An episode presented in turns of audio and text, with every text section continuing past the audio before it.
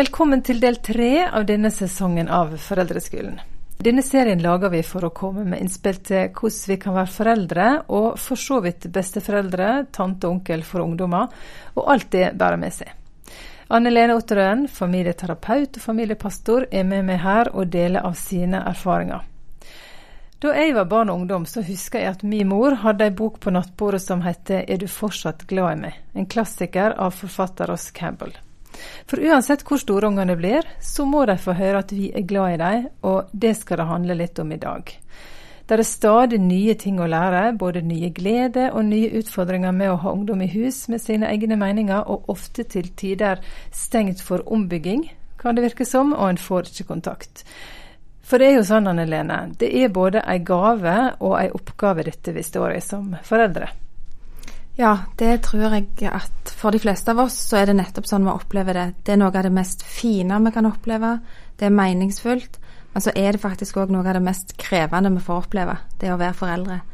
Men den der intense lykkefølelsen når det er at et nyfødt barn blir lagt i mammas fang, vi teller på fingrer og tær og leter etter trekk for å se hvem av oss voksne de ligner på, jeg husker det faktisk som det var i går, jeg, når eldstemann ble lagt på brystet.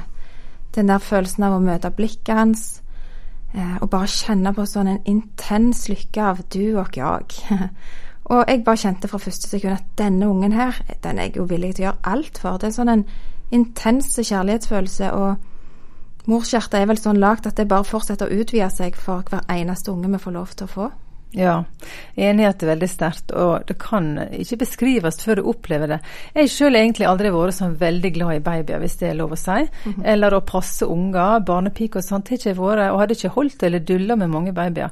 Men da jeg ble mor for første gang, så ble det veldig naturlig, fantastisk og på en annen måte. Selv om jeg husker spesielt godt òg med førstemann, at da vi skulle reise hjem fra sykehuset, så bare så vi på hverandre og lurte skal vi bare ta den med? Det Er ingen som skal stoppe oss her? Følte oss nok ganske usikre på dette nye som lå eh, foran. Ja, det var veldig gjenkjennelig. Den der følelsen av å stå der med dette lille verdifulle mennesket og ta det med seg ut på parkeringsplassen på sykehuset. Ja. og Sakte, men sikkert bare innse at oi, denne babyen skal jeg ta meg av 24-7. Eh, og så vet vi jo det at det å bli foreldre, det ser veldig ulikt ut. Vi reagerer forskjellig etter en fødsel, situasjonene er ulike når en får barn. Men jeg tror jo at alle så har vi det til felles at vi ønsker jo ungene våre det beste. Mm. Ja. Og åra de går, kjærligheten er der, og vi fôrer de så godt vi klarer med gode blikk og med gode ord, og noen ganger er det tid for grenser og korrigering. Men vi bruker jo mest tid sammen med de mens de er små. Og så er det akkurat som at plutselig så sitter vi der og så tenker at hvor ble disse åra av? Den lille jenta mi eller den lille gutten min som plutselig er stor og klar for ungdomsskole og videregående. og og jeg tenker liksom sånn som når ungene var små, så var det litt sånn Se på meg, se på meg, var jeg ikke flink nå, mamma? Mamma? Og så mm. byttes gjerne dette ut med spørsmål som, som de bare holder for seg sjøl, som ikke de sier ut. Og så bare håper de som ungdom da at bekreftelsene skal komme likevel. Mm. Og så virker det, som du sa, at det var i går at de var så små og uavhengige. Og så plutselig så blir de store og voksne, og akkurat som ikke de trenger oss lenger. Ja, det er jo altså Opp igjennom så har det vært mange ganger sant, folk har sagt til meg at å, du må ta godt vare på tida nå, det, det, går så fort, og de blir så fort store. Og så tenkte jeg ja, ja. ja. Men ja, så ser jeg jo bare nå, jeg kan jo ta meg sjøl i å si det til, til, unge foreldre, og så tenker jeg bare herlighet, å ja, nå er jeg der. Mm så kan det virke som at det, det har skjedd noe med når unger vil regnes som tenåringer eller ungdommer. Det er akkurat som at grensene for det å bli ungdom har blitt trukket litt ned. Sånn at tweens-alderen, eller tenåringsalderen, den starter kanskje i ni-tiårsalderen for noen. Og da tenker jeg at det er viktig at ikke vi går inn og tenker på, på disse som voksne, men at vi tenker at tenåringer det er barn i en overgangsfase. De er faktisk ikke minivoksne som skal få vår, vårt ansvar eller våre rettigheter, men så er det ikke sånn som du sier, kanskje ikke like mye hjemme som før, og så er de opptatt av hva vennene sier eller gjør, og, mm. men det betyr ikke at ikke de trenger oss, for jeg tenker at de trenger minst like mye som før å få lov til å høre at vi er glad i dem.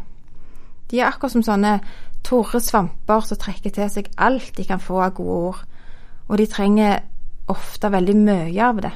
For at de fòrer seg med så mye annet som ikke forteller de sannheten, men som forteller det motsatte. Som gjerne sier 'du er ikke verdt å elske hvis ikke sånn og sånn', eller 'du er ikke god nok hvis ikke du klarer det'. Og, men at vi som foreldre kan få lov å bekrefte dem på at 'jo, vet du hva, du er mer enn god nok', bare fordi at du er deg, og fordi at du er vår'. Mm, det er så viktig å få formidle. Og så kan det også være litt vanskelig, Anne Lene, for det kan jo hende at eh, de gjør ting eller tar valg som vi blir skikkelig skuffa over eller urolige for. Hvordan kan vi da klare å formidle at eh, vi er glad i dem? Ja, Det er jo kanskje de gangene de trenger det aller mest å få høre det, at vi er glad i dem. De gangene når de er skuffa over seg sjøl eller lei seg for at ting ikke gikk sånn som de hadde håpet. Det er sagt at elsk meg mest når jeg fortjener det minst, for da trenger jeg det mest. Eh, det tror jeg er veldig sant. Og det er òg det vi får modellert når vi leser i Bibelen og ser hvordan Gud behandler mennesker som har rota det til på forskjellig vis. Mm.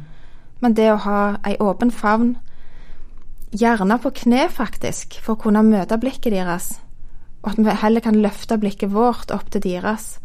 Og det tenker jeg det er ikke et symbol på at vi skal gjøre oss små underdanige, men vi finner jo samme symbolikken i, i velsignelsen Herren løfter sitt ansikt mot deg og gir deg fred. Og det å få lov å løfte ansiktet, det var et symbol som ble henta fra rettslokalet, et uttrykk for å si du er fri. Og når dommen skulle avsies, så løfta jo dommeren blikket, og da visste tiltalte at ok, jeg er fri, jeg har retten til å starte på ny. Og det trenger våre ungdommer òg. Mm. Mm.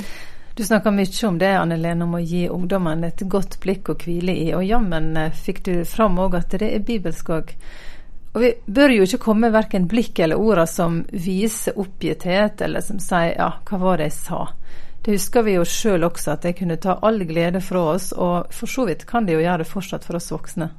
Helt sant. Jeg tenker jo at gode blikk det legger til rette for at ungdommene blir mer og mer synlige. Det er akkurat som i Mummidalen. Mm. at de får lov til å få disse gode blikk, og det fører til at de våger å være den som de er skapt til å være så tenker jeg det er vel ingenting som får oss til å føle oss mindre eh, enn oppgitte blikk. Og hvis noen sier 'hva var det jeg sa', hvis vi gjør noe feil. Mm. Og jeg pleier å sette den setningen der den er forbudt for foreldre å si. For vår oppgave er jo ikke å få ungdommene til å bøye hodet, men til å løfte hodet og få lov til å være den som de er skapt til å være. Det er nå en gang sånn da at det er lettere å lære av egen erfaring enn av andres historier for de aller fleste av oss. Sånn har det iallfall vært for meg, og sånn tror jeg det er for ungdommene våre òg. Og de må gjennom noen ups and downs. Mm. Og så tenker du gjerne at ja, men hvis ting er ugreie, så må det jo få konsekvenser. Ja, selvfølgelig, tenker jeg. Ungdommer som oss andre skal lære og skal erfare at, at handlingene våre får konsekvenser. Men de skal òg fortsette å bygge karakter, samvittigheten slipes og rettferdighetssansen opplæres. Og da er det jo en prosess, dette her, som bare må gå parallelt med det å ha en trygg forvissning i bånd om at mor og far, de er glad i meg uansett. De følger meg videre, både i de tingene som jeg må ordne opp i, og det å eventuelt ta nye og gode valg seinere. I en tidligere episode Anne Lene, så snakka vi om de fem kjærlighetsspråkene. Og det er anerkjennende ord, gave, berøring, tid og tjeneste. Det betyr altså at vi er ulike i forhold til hva språk vi både tar imot og snakker gjerne, og forstår best. Hvor lenge er det vi trenger å være bevisst på disse, eller dette språket i forhold til barn og ungdommene våre? Ja, altså Kjærlighetsspråk de har nok ingen øvre aldersgrense.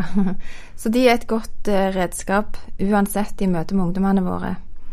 Jeg møtte en ungdom for ikke så lenge siden som sa at vet du hva, penger og dyre gaver det betyr ingenting for de fleste av oss unge. Det eneste som interesserer oss, og som er faktisk det mest dyrebare dere voksne kan gi oss, det er tida deres. Mm. Så tenker jeg at hvis vi treffer kjærlighetsspråket deres, da er sjansen veldig stor for at de opplever seg sett og elska. Ja, da er det viktig å dykke enda mer ned i det og forske litt på det. Og oppsummert så kan vi si at uansett om ungdommen virker aldri så fjern og har nok med seg sjøl, så trenger de å høre at de fortsatt er elska for den de er.